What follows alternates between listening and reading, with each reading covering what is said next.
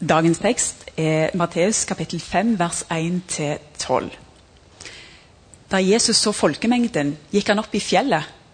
Der satte han seg, og disiplene samlet seg om ham. Han tok til orde og lærte dem. Salige er de som er fattige i ånden, for himmelriket er deres. Salige er de som sørger, for de skal trøstes. Salige er de ydmyke, for de skal arve jorden. Salige er de som hungrer og tørster etter rettferdigheten, for de skal mettes. Salige er de barmhjertige, for de skal få barmhjertighet. Salige er de rene av hjerte, for de skal se Gud. Salige er de som skaper fred, for de skal kalles Guds barn. Salige er de som blir forfulgt for rettferdighets skyld, for himmelriket er deres.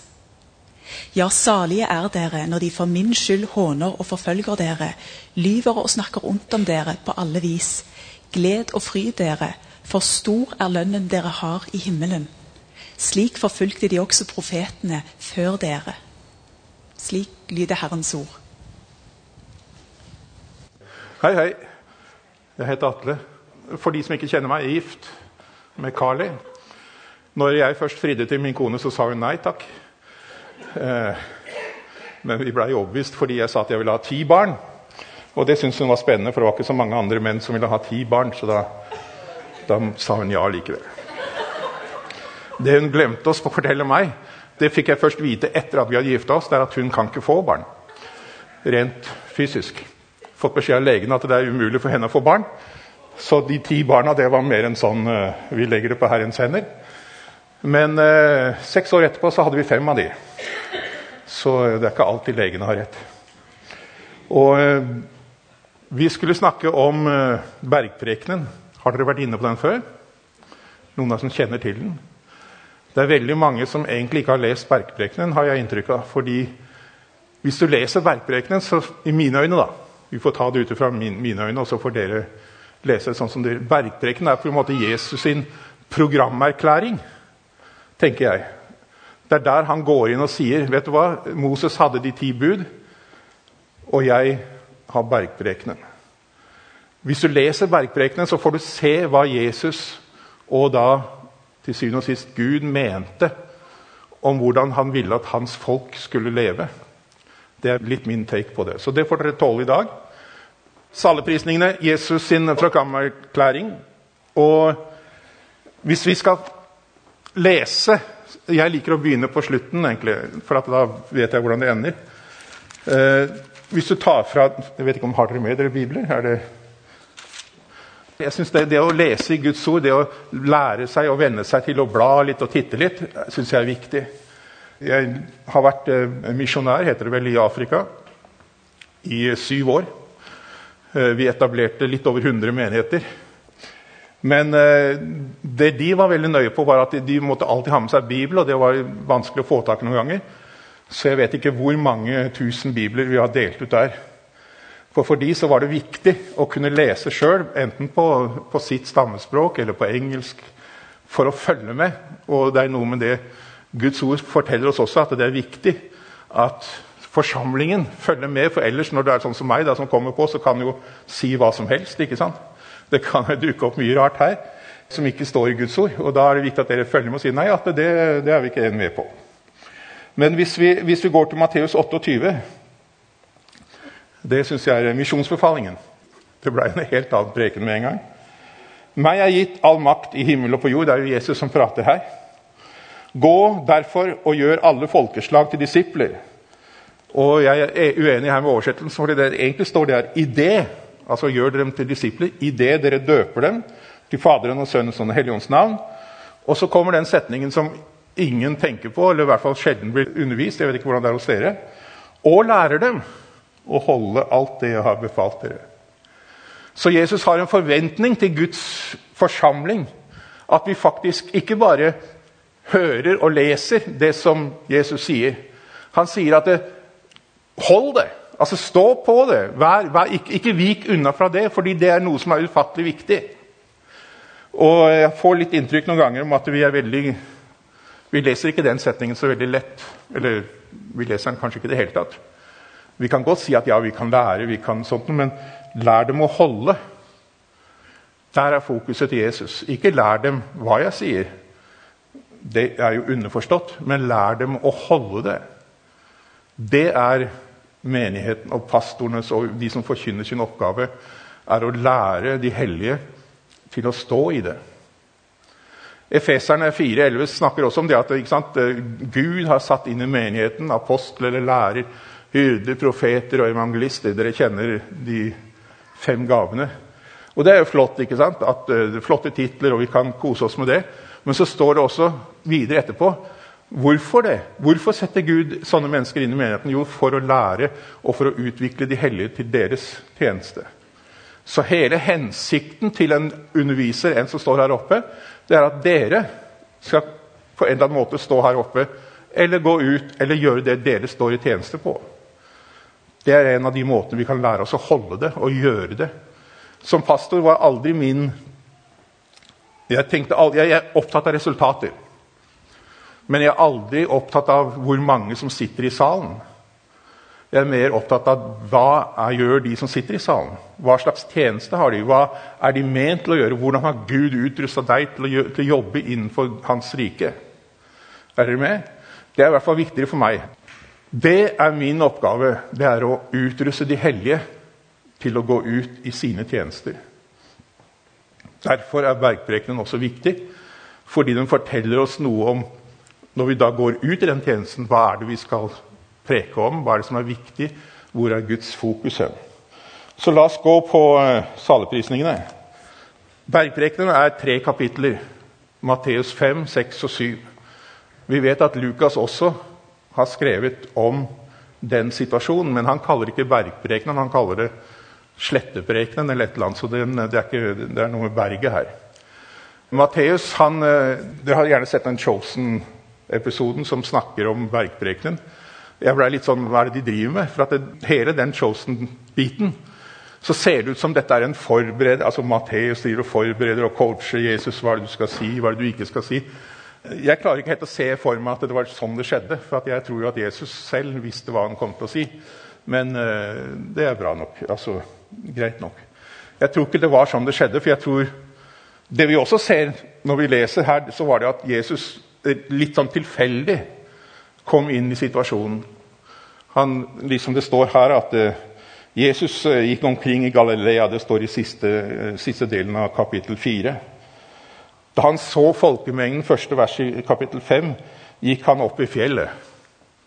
Og det å gå opp i fjellet, det er, det er noe spesielt som skjer der. Det virker som at Gud på en eller annen måte har en veldig positivt inntrykk av fjell. Eh, for det er der veldig ofte mange ting skjer. Ikke sant? Moses gikk opp i fjellet. Eh, det er masse ting som skjer på fjellet. Jeg vet ikke om Har dere vært på fjellet noen gang? Det er jo Norge, dette her, så det regner jeg med at dere alle har vært på fjellet. Jeg eh, jobba for Turistforeningen en periode og bodde på fjellet mange måneder hvert år. Jeg gikk fra hytte til hytte og pussa opp og passa på at det var alt var i orden. og alt der. Og jeg hadde med meg en kjempestor hund. og her var før jeg var gift. altså. Det var fantastisk deilig, han og jeg aleine der oppe i fjellet. Det var ikke så mange andre som gikk der vi valgte å gå, for at jeg likte å gå der hvor ingen andre gikk. Men det å være i fjellet, i hvert fall for meg, det er noe spesielt. Fordi du, du, du er nærmere Gud. Så enkelt, ikke sant? Ja, dere tok ikke den.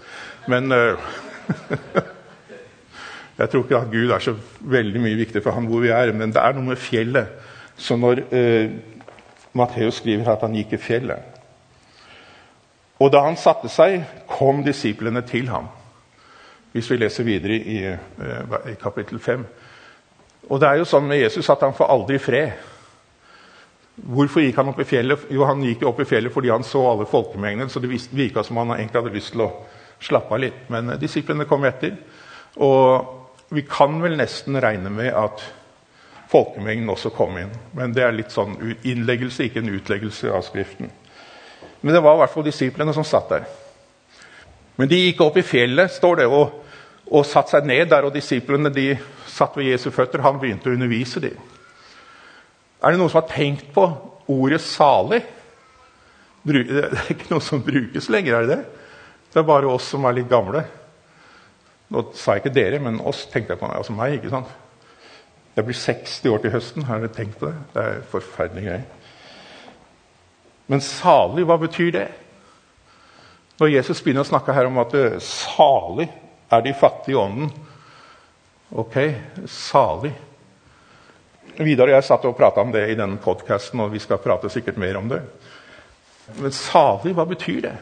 Betyr det at man er glad? Lykkelig? For meg så er salig fem hakk over det å være lykkelig. Lykke Nå snakker jeg ut fra hvordan jeg tenker. Lykke for meg, det er, det er noe som flyter. Det er, det en følelse. Og følelser vet ikke om dere oppdaga det, men i hvert fall følelser er noe ja, Har du krangla med kona, så du, er du ikke salig den dagen. for å si sånn. Du er ikke lykkelig. Har du spist noe dårlig mat, har du opplevd et eller annet, så Lykke er noe som kommer og går. Jeg vet ikke om dere er enige med meg. Men det er noe som jeg ikke helt kan Jeg kan bestemme meg til en viss grad for å være lykkelig, men det blir veldig styrt utenfra i mitt hode. Jeg har veldig problemer med følelser. Eh, Eh, og i den forstand jeg har veldig lite av dem. Eh, så for meg blir alt som har med følelser å gjøre, litt sånn ja, ja, ok. Jeg kan prøve å være lykkelig, men vi får se. Men salig, det er i mine tanker noe jeg er. Altså noe jeg er fordi jeg har tatt imot Jesus Kristus som min Herre. Det gjør meg salig, på en måte. Altså da Salig. Jeg husker da jeg var liten, så kom mamma inn og sa at her var det et salig rot. jeg vet ikke om noen har sagt Så hun var ikke lykkelig, for å si sånn. Eh, men jeg var lykkelig, for at jeg lekte og hadde mine greier. Katolikkene de har noe som heter saliggjøring. Det betyr at de helliggjør. Altså at en helgen som skal bli en, en eller annen prest eller et eller annet som skal bli en helgen, blir saliggjort. Så det er noe som skjer i mine øyne når, mellom meg og Gud i forholdet til ordet 'salig'. Fordi det er ikke noe jeg bestemmer meg for å være. Det er noe Gud på en måte åpner opp inni meg. Sånn tenker jeg, da. Dere får tenke litt for dere sjøl. Men det er den knaggen jeg henger det på. Det å være salig det er at det er noe som skjer, som er inni meg, ikke noe som kommer utenfra. Så her står det 'salig er de fattige i ånden'. Så tenker jeg ok, hvor det, fattig ånd altså, Er det enfoldig han mener? Hva er det han mener når han sier 'salig er de fattige i ånden'? Har dere tenkt på det noen gang? Hva betyr det å være fattig i ånden? Jeg spør, for at jeg vet ikke. Men uh, hva, hva betyr være salig er de fattige i ånden? For himmelens rike er deres. Så det er tydeligvis noe som er viktig. For himmelens rike, vil vi dit, eller vil vi ikke dit? Himmelens rike er et sted vi ønsker å gå til. Så da betyr det at det å være fattig i ånden har noe med det å gjøre. Men betyr det å være dum? Nei, tror ikke det. Tror ikke det er det at de dumme kommer inn. Ja, De kommer, de også, altså, for det er ikke det jeg sier. Men det å være salig er de fattige i ånden. Jeg tror det går litt på det å Jeg tror det har noe med det å være ikke høy på seg sjøl, på en måte. Er dere med på tankegangen? For jeg har møtt så mange mennesker som ja, jeg vet alt om Bibelen, jeg vet alt om Gud, jeg vet alt om ditt og datt, og jeg er teolog, og jeg kan legge ut og, og så ser du på livet deres at de har ikke skjønt egentlig noe som helst. Det er, det er sånn jeg tolker det å være fattig i ånden. Så må dere tolke det på deres måte. Men eh, da, da er det jo salig hvis du vet at det å være enkel Guds ord sier det at selv små barn skal kunne skjønne Bibelen. Kunne skjønne Gud, forstå hva han er. Det tror jeg er det som ligger i å være fattig i ånden. Det er altså ikke en negativ ting. Så går vi videre. Salige er de som sørger. Igjen så tenker jeg er det mulig, Gud? Skal jeg være lykkelig? Skal jeg være salig? Skal det være en positiv ting å sørge? For de skal bli trøstet. Det er det som er saligheten. Saligheten ligger i trøsten ikke i sorgen. Er dere med? Når min første, eller vår første, får jeg gjerne si, for kona var involvert, hun også Vår første sønn ble født. Eller før vår første sønn ble født. Og min kone kunne som sagt ikke få barn, så bare det at, han, at det kom et eller annet, var et stort mirakel. Første gang vi var inne til eh, sånn her eh, ultralyd, så blei legen helt stille. 20 minutter. Jeg tok tiden på det etter hvert. for det, Ikke et ord, sa hun. Og så tenkte vi ok, det er gjerne vanlig at legen ikke sier noe. Eh, så jeg spurte henne er det folk sier, er alt i orden. Og så sa hun nei, dette er ikke i orden. Hvis det stemmer, det som jeg ser, så vil jeg anbefale abort. Så tenkte vi ok. Eh, da blei vi litt sånn at vi trengte trøst etter hvert. Og så heldigvis så jobba min svigermor inn på SUS, på barneavdelingen. Så vi fikk lov å Samme kveld så blei ble barneavdelingen åpna, og en sånn uh, lege, barnespesialist, blei kommet inn. Uh, og så fikk vi se litt mer på det. Og så skulle hun forklare hva som, hva som var problemet. Utfordringen var at når hun skulle forklare det, så brukte hun en bok. Og så viste hun oss bilder av forskjellige spedbarn. Det hun gjerne ikke tenkte på, det var at alle de bildene var av døde barn. Så det i seg selv var ikke så veldig oppmuntrende. Så da trengte vi trøst, men hun kunne ikke gi oss trøst.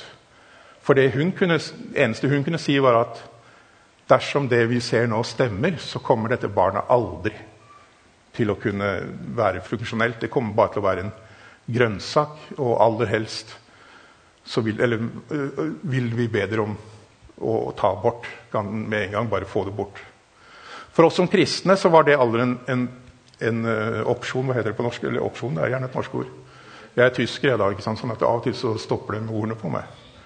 For oss var det aldri en mulighet, så vi sa at da får dere gjøre det dere kan. Og så får vi gå og søke trøst. Altså gå og be over det. Så det var det vi gjorde, og da ble vi salige. Ikke fordi sorgen var der, for den var der, men fordi trøsten kom. Er dere med? Det er det som er salig. Ikke å sørge, men salig er å få trøst. Barnet vokste, bare for å fullføre. Eh, han ble tatt med keisersnitt. Bare det å komme på keiserlig vis det er jo ganske fantastisk. Det er ikke alle som får lov til det. Og opp, lagt på operasjonsbordet han lå flere, mange mange timer på operasjonsbordet. Og Så kom legen og sa at vi kan ikke garantere noe som helst, men han lever, han puster enda. I dag så er han 29 år gammel. Han er en av Norges beste på det han driver med innenfor data. Og eh, han heter Samuel. Gud hører bønn. På et tidspunkt når han lå inne på sykehuset, så han lå inne tre måneder etter at han ble født, inni en sånn kuvøse. Jeg sier alltid feil, for at jeg pleier å si respirator. eller Han lå inne i en sånn boks. i hvert fall. Og Der er det fint å ha kona med, for da sier hun nei, du tar for er sykepleier. da. Der lå han i tre måneder, og vi var hos han hver eneste dag fra morgen til kveld. Og en dag som vi kom, så sier legene at i dag så kommer, dør han. I dag er det ferdig. Eh, han orker ikke mer. Og Da var det også det å være salig i sorgen. Fordi vi visste at ok, hvis han dør i dag, så er Gud med. Gud er der i døden. Så vi sa til legene at ok, eh, gjør, gjør det dere kan. Vi gjør det vi kan. Så vi ba for ham, og så ble vi hivd ut. Og den dagen så ble han helbreda. Og en uke etterpå så var han utskrevet. Salig i trøst, ikke salig i sorg. For meg er det et veldig viktig distinksjon. Det er et norsk ord. Distinksjon. Jeg må spørre en gang iblant, for kona Hva er det du snakker om? Eh, når kona prøver å prate med faren min Mora mi er norsk, og så faren min er tysk. Så når hun prøver å prate med han, så av og til så begynner mamma også å snakke tysk til Carle. Så jeg må av og til spørre, for hun skjønner ikke. Men dere skjønner det. Salige er de ydmyke, for de skal arve jorden. Har vi lyst til å være ydmyk? Er det positivt? Veldig mange av oss tenker at nei, vi skal ikke være ydmyke, for vi er jo noe. Vi kan noe. Vi har en utdannelse, vi har posisjon osv. Vi kan ikke være ydmyke. Men det Gud sier, er at salig er de ydmyke. For de skal arve jorden. Ufattelig viktig å være ydmyk i møte med hverandre, i møte med samfunnet, i møte med Gud. Hvis vi ikke klarer å være ydmyke, så har vi tapt jorden. Salige er de ydmyke. Så hvis det er noen iblant dere Jeg sier dere, for jeg er naturligvis ikke arrogant eller på noen som helst måte. Jeg er en ydmyk som bare det. Igjen så ville min kane sagt få det bort. Han er, ikke, han er ikke så veldig ydmyk. Jeg er tysker, vet du. Så vi er litt sånn, vi vet hva vi kan. Salige er de ydmyke, for de skal arve jorden. Dette er Jesus som sier, folkens. Dette er Jesu programerklæring. Dette er sånn som Jesus sier at dette er min liste for hvordan jeg ønsker at mitt folk skal være. Ydmyke. Det betyr ikke at vi skal være ettergivende. Ikke sant? Hvis vi møter samfunnet og de går imot Guds ord, som de gjør på veldig mange ting, så skal vi si ifra dette er ikke rett. Men vi skal være ydmyke i det. Amen. Du vet, jeg, har bodd så lenge i Afrika, vært, og der, liksom, der er de Yes, brother! Preach it! Hello! Og ikke det samme her, nei. Det er, det, det, det er deilig å få tilbakemelding fra salen om, om du er helt ute på feil jordet, eller om vi er på samme jordet sammen. Så kan det godt være at vi er på forskjellige steder på det jordet, men vi er i hvert fall på samme jorde. Så ydmykhet er noe som Gud forventer av sitt folk. At vi skal være. Men vi skal ikke være ettergivende. Vi skal ikke være sånn pushovers. Går det an å si det? Pushovers? Dere skjønner, ikke sant? Vi skal ikke være sånne. For hvis du går tilbake til Efeserne 4,11 og du ser hva er det de hellige skal trenes opp til, jo det står at de skal bli grunnfesta i Guds ord, sånn at de ikke skal bli dratt fram og tilbake av enhver vind som kommer. Så ydmykhet er ikke det å være enig med siste taler til enhver tid. Det er ikke det som ligger i ydmykhet. Men ydmykhet ligger i det at å erkjenne hvem vi er overfor Gud. Jeg ble frelst eh, når jeg var 20 år gammel. Jeg blei satanist når jeg var 12 år gammel. Og jeg er oppdratt på tyske skoler, tyske internatskoler. Og der har vi lært at vi er de beste i verden. Det kan jeg garantere dere. Hvis dere har hørt mye rart om tyske vanlige skoler, så kan jeg fortelle dere at internatskolene til tyskerne er Det er uh... Salige er de som hungrer og tørster etter rettferdighet.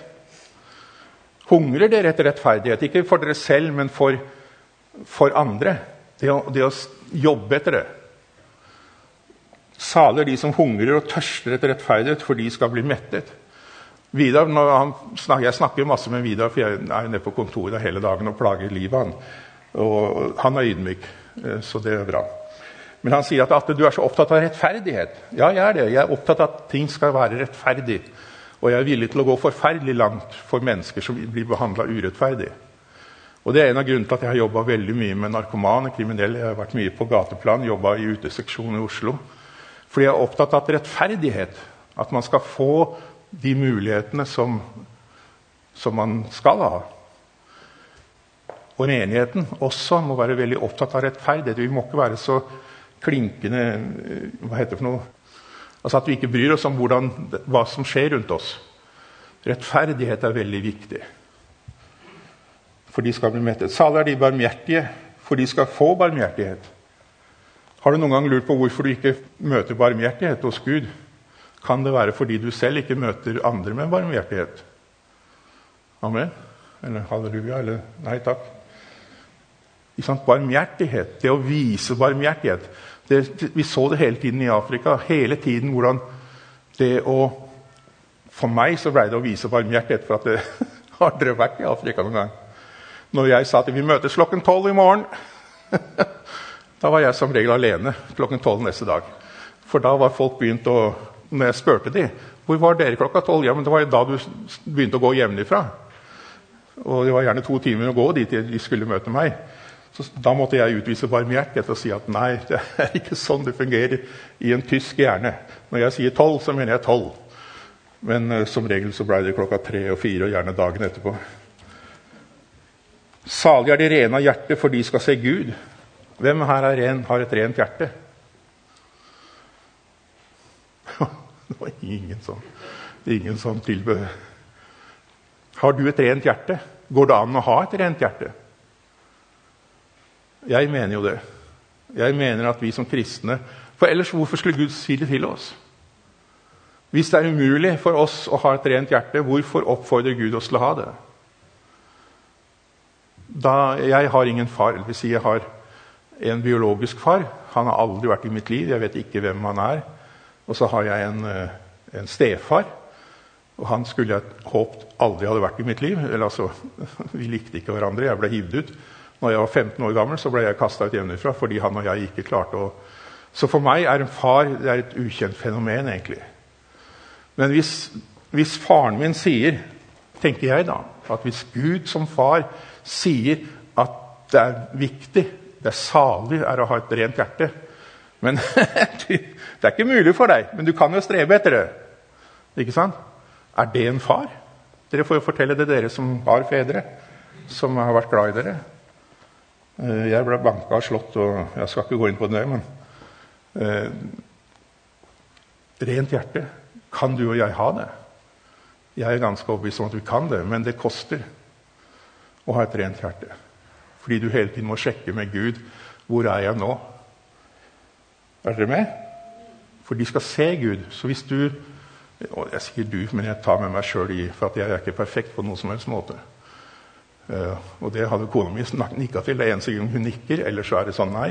Men når jeg sier det, så nikker hun, for det, det er hun klar på. Jeg, jeg, spøker mye med kona mi, altså, men vi har vært gift nå i snart 30 år, så det, det holder. Ikke at 30 år holder, men uh, Ekteskapet holder. Jeg sa det til min kone før vi gifta så sa jeg at du vet at jeg er tradisjonell pinsevenn. Skikkelig konservativ, langt ned i støvlene. Hun var fra bedehuset på, på Randaberg. Så sa jeg at du vet jo at mannen er familiens overhode. Det jeg regner med at dere er enige med. Og det betyr at mannen bestemmer og er hodet. Så brukte hun tre sekunder. Første gang så sa hun nei takk da når jeg fridde, men så andre gang når jeg fridde, så tenkte han må jeg gjøre det ordentlig. Så sa hun at brukte tre sekunder. Ja, det er fint. Du kan få lov å være i hodet. Og så er jeg i halsen, så vrir jeg hodet akkurat dit jeg vil. Så sånn har vi levd i 30 år. Alle er fornøyde. Salig er de som skal Jeg må bare gjøre det ferdig, eh, ellers så får jeg aldri lov å komme igjen tilbake. Salig er de som skaper fred, for de som kalles Guds barn. Fred. Vi er kalt til å ha fred i menigheten. Vi er ikke kalt til strid. Vi er ikke kalt til til å kjefte på hverandre og ha all den der uhyggen. Jeg vet ikke hvordan det er hjemme hos dere, men hvordan er det når du Jeg har diskutert med kona mi. altså Vi har ikke et perfekt ekteskap. Det hender vi diskuterer. Og den derre ustemningen som da kryper inn, den er det ufattelig viktig at vi gjør noe med før den får lov til å slå rot. ikke sant? Det gjelder i menigheten, i ekteskapet, i venneflokken, i kollegaflokken. ikke sant? Salig er de som skaper fred. La for all del deg være en av de som skaper fred, og ikke bygger under nører opp under eh, ilden. at nå skal vi stå Jeg har en kamerat som fryder seg over hver gang det startes en diskusjon, for da sitter han og koser seg. og så hiver han inn på noen nye briketter fra tid til annen for å holde flammen i gang. Og så sitter han og fryder seg. Eh, på en positiv måte, altså. Men det er nå så.